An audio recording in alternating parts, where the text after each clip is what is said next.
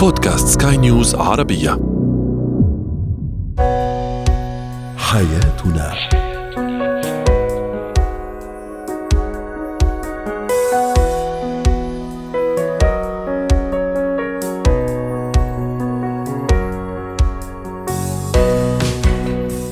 مستمعينا الكرام أهلا بكم معنا إلى حياتنا فضاؤكم اليومي الذي يعنى بشؤون الأسرة وباقي الشؤون الحياتية الأخرى والذي يمكنكم الاستماع إليه عبر منصة سكاي نيوز عربيه dot com slash بودكاست. وباقي منصات سكاي نيوز العربية الأخرى شاركونا عبر رقم الواتساب 00971 561 88 6223 معي أنا أمال شاب. اليوم نتحدث عن العنوسة الاختيارية. ما الذي يجعل البعض يفضلها؟ وهل لها أثار سلبية على المجتمع؟ وما هي هذه الأثار؟ المراهق الخجول كيف نكسر حالة الخوف لديه؟ وأخيرا اتيكيت التصرف السليم أثناء حضور عقد القران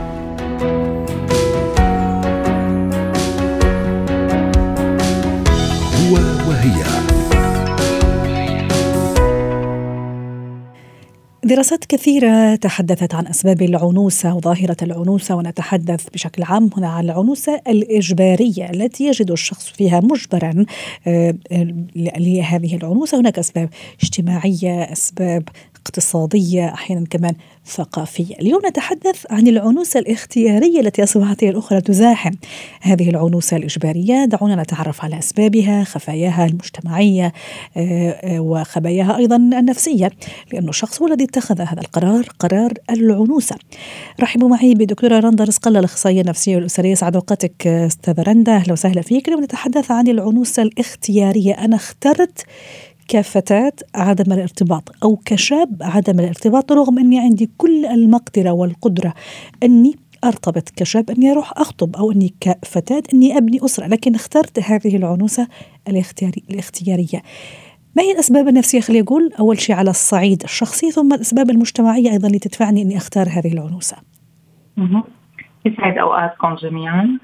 آه، أول شيء آه، هناك أنواع لهذا الاختيار آه، الاختيار الشائق أو الخطير وهو إنه يلغي الإنسان جزء أو وظيفة من وظائف وظائفه الاجتماعية والنفسية والجسدية ويقرر بال البقاء بدون زواج لأنه هو الزواج هو آه، يعني وظيفة ربنا خلقها بالإنسان لازم آه، يتزوج لازم يلاقي حدا شريك لحياته والزواج ينجب يكون في نتيجته إنجاب نتيجته آه، أبناء. وهيك بتنشا المجتمعات وبتتطور. ولكن هذا الخيار أنا بعتبر هو ما هو خيار يعني خلينا نقول اي طيب شو شو الأسباب آه. دكتورة حرمده حتى نمشي فقط في في الحوار والنقاش وقبل ذلك؟ خليني أستعرض بعض تعليقات السادة المستمعين دكتورة رندا تعليق يقول إنه كان هذا السؤال تفاعلي ما سبب تفضيل البعض للعنوسه الاختيارية؟ تعليق يقول أحيانا من رحمة الله بقاؤك وحيدا أفضل من شريك.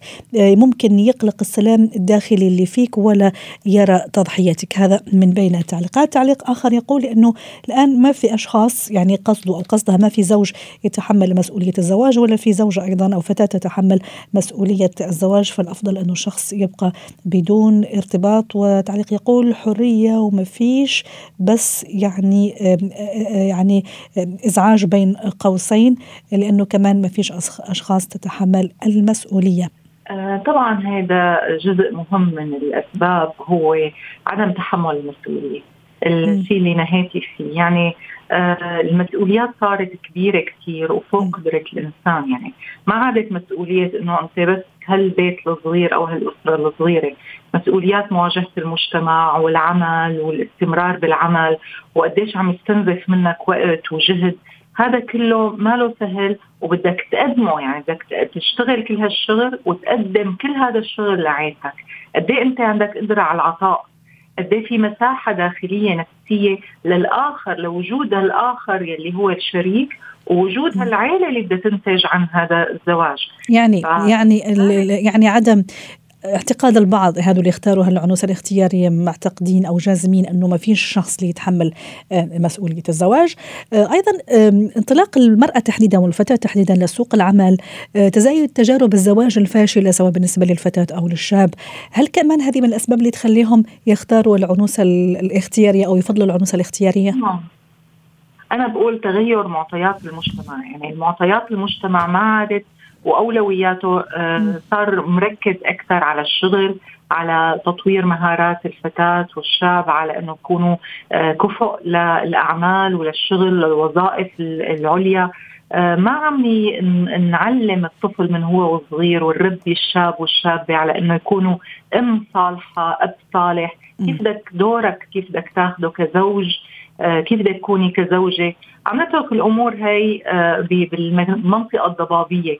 ما عم نلقي الضوء عليها من هو وصغير نعم. ومفهوم كمان قيمة الأسرة. إيه. موظف ناجح. تماما. نعم. ومفهوم كمان قيمة الأسرة أو مفهوم المؤسسة الزوجية ومؤسسة الزواج مفهوم الأسرة. كمان يعني شوية صار في إلى حد ما أقول هذا مش مش حكم شوية تراجع. يعني ما صار عندنا هذاك المفهوم الواسع. في النهاية الزواج مش فقط رجل أو امرأة لكن أسرة بيت استقرار كيان مستقبل أطفال كل هالأشياء. ف كمان مفهومنا للأسرة ومفهومنا للارتباط أو الزواج اختلف شوي وبالتالي البعض صار يقول يعني في النهاية أنا ما بدي بين قوسين إني أتعب حالي لوحدي أحسن لي. أه شو شو أضرارها السلبية على المجتمع؟ وكيف تهدد فعلا سلامة المجتمع تماسك المجتمع؟ هذا العنوسة الاختيارية. بالحقيقة اللي عم يدفع الثمن آه، العجلة الاقتصادية وأنه آه، ينطلقوا الشباب والصبايا بالعمل وتبني المجتمع تبني المجتمعات اقتصاديا عم يكون في عنا انهيار للأسرة مقابل له يعني اندفع الثمن على حساب الأسرة على حساب الزوج والزوجة والأبناء وعلى حساب تكوين الأسر. مثل ما قلتي عم يفضلوا إنه لا هلأ صار في كثير أشياء بتسهل وجود علاقات آه، بدون زواج وبدون التزام وبدون آه، إنجاب وبدون ما آه، يعني يكون في تضحية كثير كبيرة وناخذ هالريسك وهالجهد الكبير لحتى نقدم ونلتزم بالحقيقة لأنه الزواج بده التزام. نعم. الضرر كثير كبير لأنه هلأ ما رح نحس فيه مباشرة رح ينعكس على الاقتصاد نفسه بالسلب. لأنه أنت لما ما لما ما بتكون أسرة وما بتجيب أو أبناء ما حيكون في مستهلكين لك كشركات إذا عم نحكي. ما حيكون في آه، بنية مجتمعية كمجتمع كعادات كتقاليد كثقافة تحمل لأنه الأبناء هن اللي بده يحملوا هذا المخزون الثقافي وينقلوه للجيل اللي بعدهم. استمراريه المخزون الثقافي والحضاري بتكون من خلال آه، الأسر. الوحدات الصغيرة اللي هي مثل الخلايا مثل خلايا الجسم كيف تنقل التغذية وبتنتعش وبتتكاثر كمان نفس الشيء الأبناء هن اللي بدهم ينقلوا الموروث الثقافي الديني الفكري الاجتماعي العلاقة بالأرض نعم. بالوطن. كل هدول الأشياء أنت لغيتهم لما بتلغي الأسرة. صحيح. ولغيت كمان توازن نفسي توازن اجتماعي توازن يعني أنواع كثيرة من التوازنات خلي يقول لي في هذا الشخصية اللي فعلا لن تتاتى إلا بهذا الارتباط الفطري الطبيعي الغريزي وأيضا تكوين أسرة والمساهمة كمان في بناء المجتمع. شكرا لك أستاذة رندا رزق الله ضيفتي العزيزة وأتمنى لك أوقات سعيدة. زينة الحياة. اليوم نتحدث عن المراهق الخجول في زينة الحياة. لماذا يجنح بعض المراهقين للخجل؟ هل هذه صفة طبيعية عندهم؟ هل تتفاوت من مراهق لمراهق؟ دعونا نتعرف على الموضوع مع ريم صابوني الاستشارية النفسية والتربوية. سعد أوقاتك أستاذة ريم. ضيفتنا العزيزة من القاهرة طفلي أو ابني المراهق اللي تو دخل مرحلة المراهقة جدا خجول. مع العلم أن الخجل هو حالة طبيعية في كثير من الأحيان وكمان كثير من المراهقين يظهرون هذا الخجل. الأمر يستدعي القلق ولا في نقطة معينة أو في مرحلة معينة إيه يستدعي القلق؟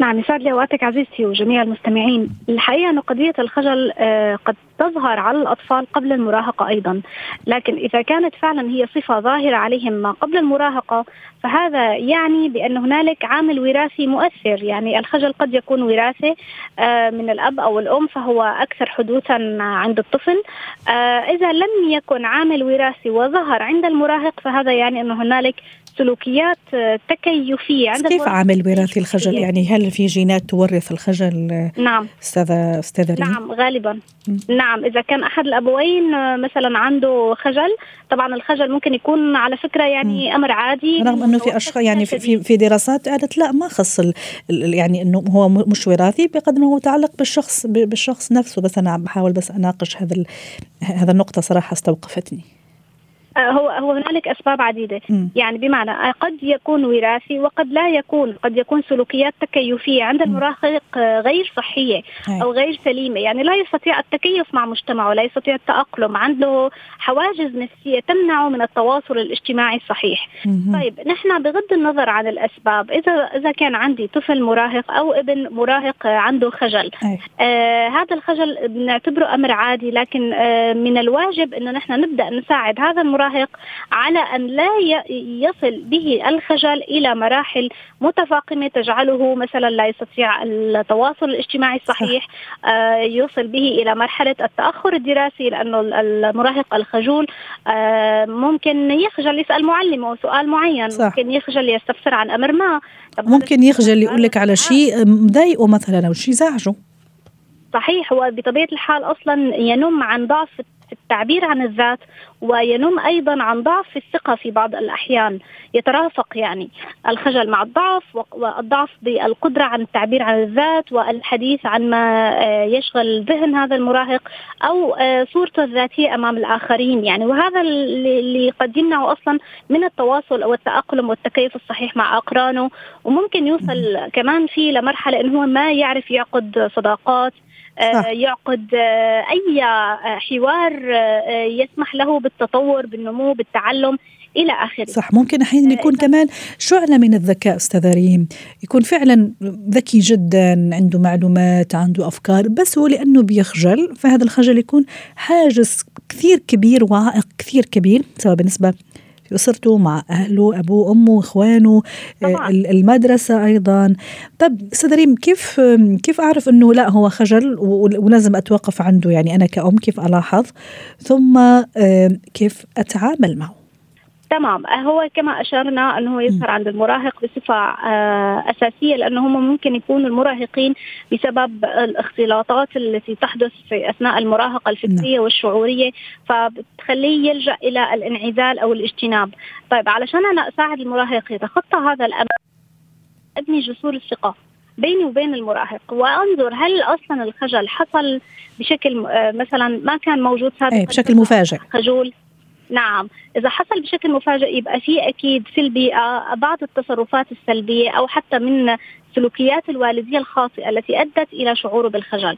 فلازم يكون في جسر ثقة بيني وبينه عشان نبدأ آه، نصل إلى السبب. وإذا عرف السبب بطلت, أيوة. بطلت بقية النتائج. على ذكر الأسباب آه. سدريم مثلا شعور المراهق بعدم الأمان أساليب معاملة الأهل الخلافات المتكررة كمان بين الوالدين. اللي أحيانا ممكن نحن ما نعطيها هذيك الأهمية. أي okay so what أنا مختلفة وأنا وأبوه قدامه أمام أعينه ممكن في خلافات في كلام يطلع في انفعالات الحالات فهل معقول كمان تؤدي إلى إصابته أو لا؟ إنه يجنح لي للخجل مثلا شعور بالنقص التأخر الدراسي النموذج الوالدي. نعم. هل هذه كلها عوامل كمان دام ذكرتي الأسباب؟ نعم. م. إضافة إلى صورة الجسد تؤثر أيضا. أها خاصة في هذا في هذا السن سن المراهقة صح؟ نعم. صحيح صحيح, صحيح. لأنه هو قد يشعر بالخجل من شكله مثلا لأنه هلأ هو بيبدأ آه، بالتغيرات الشكلية. وخاصة عند البنات بتبدأ بتخجل من ظهور مثلا الثدي فبيظهر عندها علامات جسدية بانحناء الظهر مثلا بضعف آه، في صح. صوت. أحب الشباب أحيانا أستاذ ريم وبتعرفي البارح والله كنا نحكي على هالموضوع تحت الهواء مع الزملاء إنه مثلا في الآن برامج في في منصات التواصل الاجتماعي يعني يعني برامج مثلا على شخصيات على ناس مشاهير. فممكن المراهق يروح كمان يعمل هذا هذا المقارنات. فهذه كمان توقع في فك أو في شرك. الخجل بين قوسين. هنالك ضغط من وسائل التواصل الاجتماعي م. على المراهق صح. لأنه لماذا فلان يستطيع أن يتكلم ويتحدث أمام الجمهور أو أمام زملائي وأنا عندي هذا الحاجز النفسي أو ما عندي ثقة أو أو قد يكون عنده بالمناسبة بعض المشاكل في الكلام زي التلعثم مثلا طيب. هو عنده تلعثم عنده مشكلة أصلا خلقية. طبعا هو يكون معرض نعم. أكثر إلى الخجل والانطواء جميل. طيب أستاذ ريم كيف أخذ بايده ابني المراهق حتى فعلا أساعده أنه يتخلص من هذا من هذا من هذه الصفة خلي أقول وبالتالي كمان أهله ليكون شاب عنده ثقة بنفسه أو فتاة عندها ثقة بنفسها فاعلة في المجتمع أو فعال في المجتمع. كيف أساعده باختصار؟ طيب أول شيء نحن تحدثنا عن بناء جسر من الثقة بيني وبين المراهق صحيح. ثاني شيء أنا المفروض أجري حوار بسيط مع هذا المراهق ويتدرب عليه كأنه سيناريو أو تمثيلية تتم م. يعني مثلا أنت حتروح مثلا تسلم على الضيوف برا شو رح تقول لهم مو غلط إني على فكرة آه، أملي عليه بعض العبارات أو يحفظ بعض العبارات اللي اللائقة اجتماعيا اللي هي ممكن يتعرف فيها على ضيف جديد أو صح. إنه يتواصل على سبيل المثال واكلفه مثلا بإنه هو يطلب لي اليوم المنيو من المطعم جميل. إحنا قاعدين آه، يروح يشتري مثلا من السوبر ماركت فهو يتواصل بنفسه مع البائع وفي بعض الآباء خاصة تحديدا مع مع مع الصبيان ريم ممكن يحرصوا ياخذوا لمناسبات اجتماعية للسوق اللي يقول يعني فيخليه فعلا في احتكاك مع هذا الناس يعني حتى يجهزوا للأمر أستاذ ريم نعم باختصار وشجعوا إيه؟ نعم للتواصل الاجتماعي وحتى لو بشكل تدريجي وبسيط صحيح. جدا وبعبارات حتى لو كانت محفوظة سابقا بالمناسبة صح. يعني ما أترك له مجال للارتجال فهو حيشعر بالثقة إنه هو قادر على إجراء حوار نعم. ومعاملات بسيطة مالية أو اجتماعية أو أو ايا كانت بالإضافة إلى أنه أنا كمان آه، أساعده إنه يبني علاقة ثقة مع صديق واحد فقط على الأقل نعم. ونبدأ بالتدريج إني أوسع علاقاته من خلال أنشطة مجتمعية أنشطة رياضية واضح. آه، أكون أنا دائما على فكرة صح. كمان بظهره عم حفظه حاول إني ما أنتقده لأنه لأنه مجرد آه، يعني حصل انتقاد سلبي رح يأثر سلبا حتما رح يزيد الأمر سوء يعني ما أقول له أنت خجول لا أنت بليد لا أنت غبي آه كلها عبارات آه ستزيد من الأمر سوء واضح. شكرا لك أستاذ ريم صابوني الاستشارية النفسية والتربوية ضيفتنا العزيزة من القاهرة وأتمنى لك أوقات سعيدة.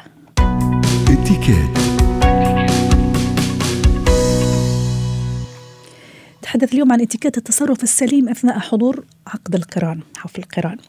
رحبوا معي بدكتورة سلوى عفيفي خبيرة الاتيكيت ضيفتنا العزيزة من القاهرة. يسعد أوقاتك يا دكتورة. من زمان ما سمعت صوتك. أتمنى أنك تكوني بخير. واليوم حديثنا عن الأفراح وربي إن شاء الله يا رب يديم أفراح الجميع.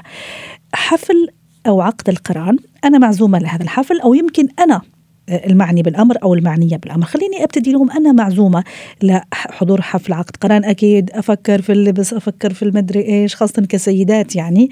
وأكيد التصرف السليم واللبق أثناء حضور هذا الحفل. يسعد أوقاتك يا أستاذة احمد كل عام وأنتم بخير. فعلا بقالنا فترة ما اتكلمناش بس يسعدني دايما أكون معاكم. الله يخليك. هنتكلم مهم جدا موضوع تلبية الدعوة.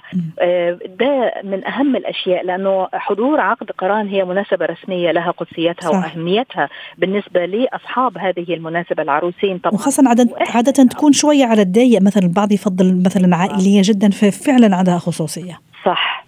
فهي مهمة طبعا للأقارب والأصدقاء والمعارف أن هم يشاركوا هذه الفرحة على حسب مين المدعوين والمعزومين على حسب كمان مكان إقامة هذا آه الاحتفال أو هذه المراسم يعني أحيانا إحنا في مصر مثلا في دور المناسبات دور العبادة يعني إما تكون في آه المساجد أو في الكنائس مثلا. فلابد أن أعرف المكان مبدئيا ونرد آه، بتأكيد القبول. الحضور أو الاعتذار. يعني ولا يكون الاعتذار مفاجئ إلا لو في ظرف قهري. يعني مثلا ليس أقل من مثلا 24 ساعة أو 48 ساعة حتى إذا ظرف قهري هذا خارج عن إرادتنا بس. لابد أن آه، نرد بتأكيد الحضور ونحرص على ذلك ونكون متواجدين حتى قبل أصحاب الفرح اللي هم يعني العروس والعريس العريس والعروسة والشيخ مثلا أو رجل الدين اللي سيقوم بكتب الكتاب أو عقد القران لأنه دول بيكونوا جايين بمواعيد صح. معينة مثلا صحيح. يكون الاحتفال لا يتعدى ساعه ساعة ونص يمكن أو ساعتين إلا لو كان زفاف يعني صحيح. وهنا لابد أن نختار أيضا ملابسنا المناسبة صحيح. يعني إذا كان في هذه الأماكن أو حتى في البيت هو ليس يعني لا نلبس سواريه يعني لا هو ممكن يكون لبس آه يعني جميل ومفرح بس يتسم شوية بالإحتشام نوعا ما آه، خاصة لو كان في هذه الأماكن أو دور العبادة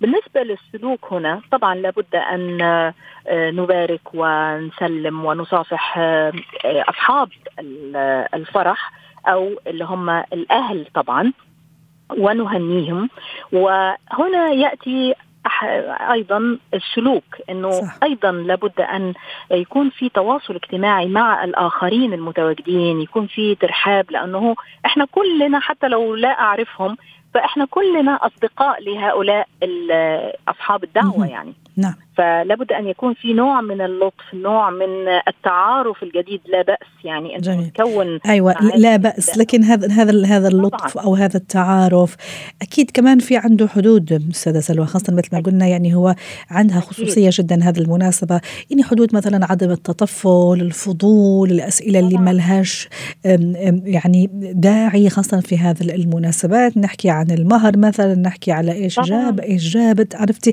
الأسئلة اللي جدا خاصة ويعني ومش مضطر الشخص يرد عليها. أكيد طبعا يعني ما نروحش نسأل مثلا جبت لها شبكة بكام أو مهر تمام أو يتعرفوا على بعض إزاي. خلاص إحنا رايحين نبارك وفعلا نتمنى لهم يعني خطوة جميلة. هذه خطوة مباركة في حياة الإنسان. فإحنا رايحين لهذا الهدف فقط وتكون فرحتنا فعلا من القلب أحيانا ست سلوى تصير مشاكل لو بعض هيك المشاحنات وزعل عند التقاط الصور في هذا الحفل هذا النوع من أيوة. من المناسبات زعلت عمته لأنه ما نديناها تتصور زعلت خانتها آه. لأنه عرفتي آه. كيف في حين المشاحنات كمان ما لهاش لازمة في هيك مناسبات فرح نعم شوفي أنا أفضل دائما هنا أنت برضو كلمتي على في الأول إنه دور العروسة والعريس أو أصحاب الفرح نفسهم صراحة هم لابد أن يكونوا يهتموا كثيرا بضيوفهم. يعني لا مانع إنه لو في مثلا ناس كبار في السن هم يذهبوا إليهم لمقاعدهم مثلا يلتقطوا معهم الصور. أو يكون في تنظيم مع مخرج هذا الحفل أو الاحتفال أو المراسم أو المصور إنه الناس تطلع صغيره بالدور لا مانع ابدا. ف... واذا لم يتم مثلا التصوير نتيجة الازدحام أو كذا خلاص يعني هنعمل إيه؟ يعني لا نعاتب ولا لأنه كثير ناس بتكون في عجقة زي ما بيقولوا في عجقة من أمرهم وعجلة ومش منتبهين يعني العروسة فرح خاصه الآن مع ال social media كمان يعني ما خلت لنا لا وقت ولا ولا نفكر ندعو مين ولا نعزم مين يتصور معنا خلص الآن كله صار على تيك توك وإنستغرام كل حفلاتنا وأفراحنا على الإنستغرام. إن شاء الله ربي يديم الفرحة علينا جميعا. شكرا لك دكتورة سلوى أتمنى لك أوقات سعيدة. وإن شاء الله نشوفك ونسمعك في مواعيد لاحقة. يعطيك العافية.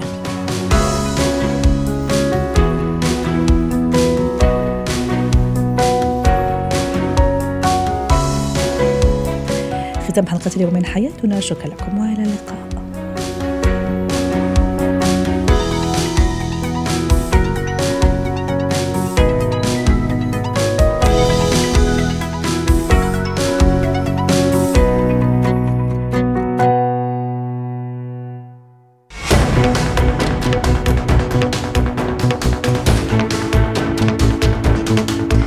بهذا نكون مستمعينا الكرام. قد وصلنا لختام جولة أخبار العالم قدمناها لحضراتكم من إذاعة سكاي نيوز عربية في أبو ظبي. للمزيد دائما سكاي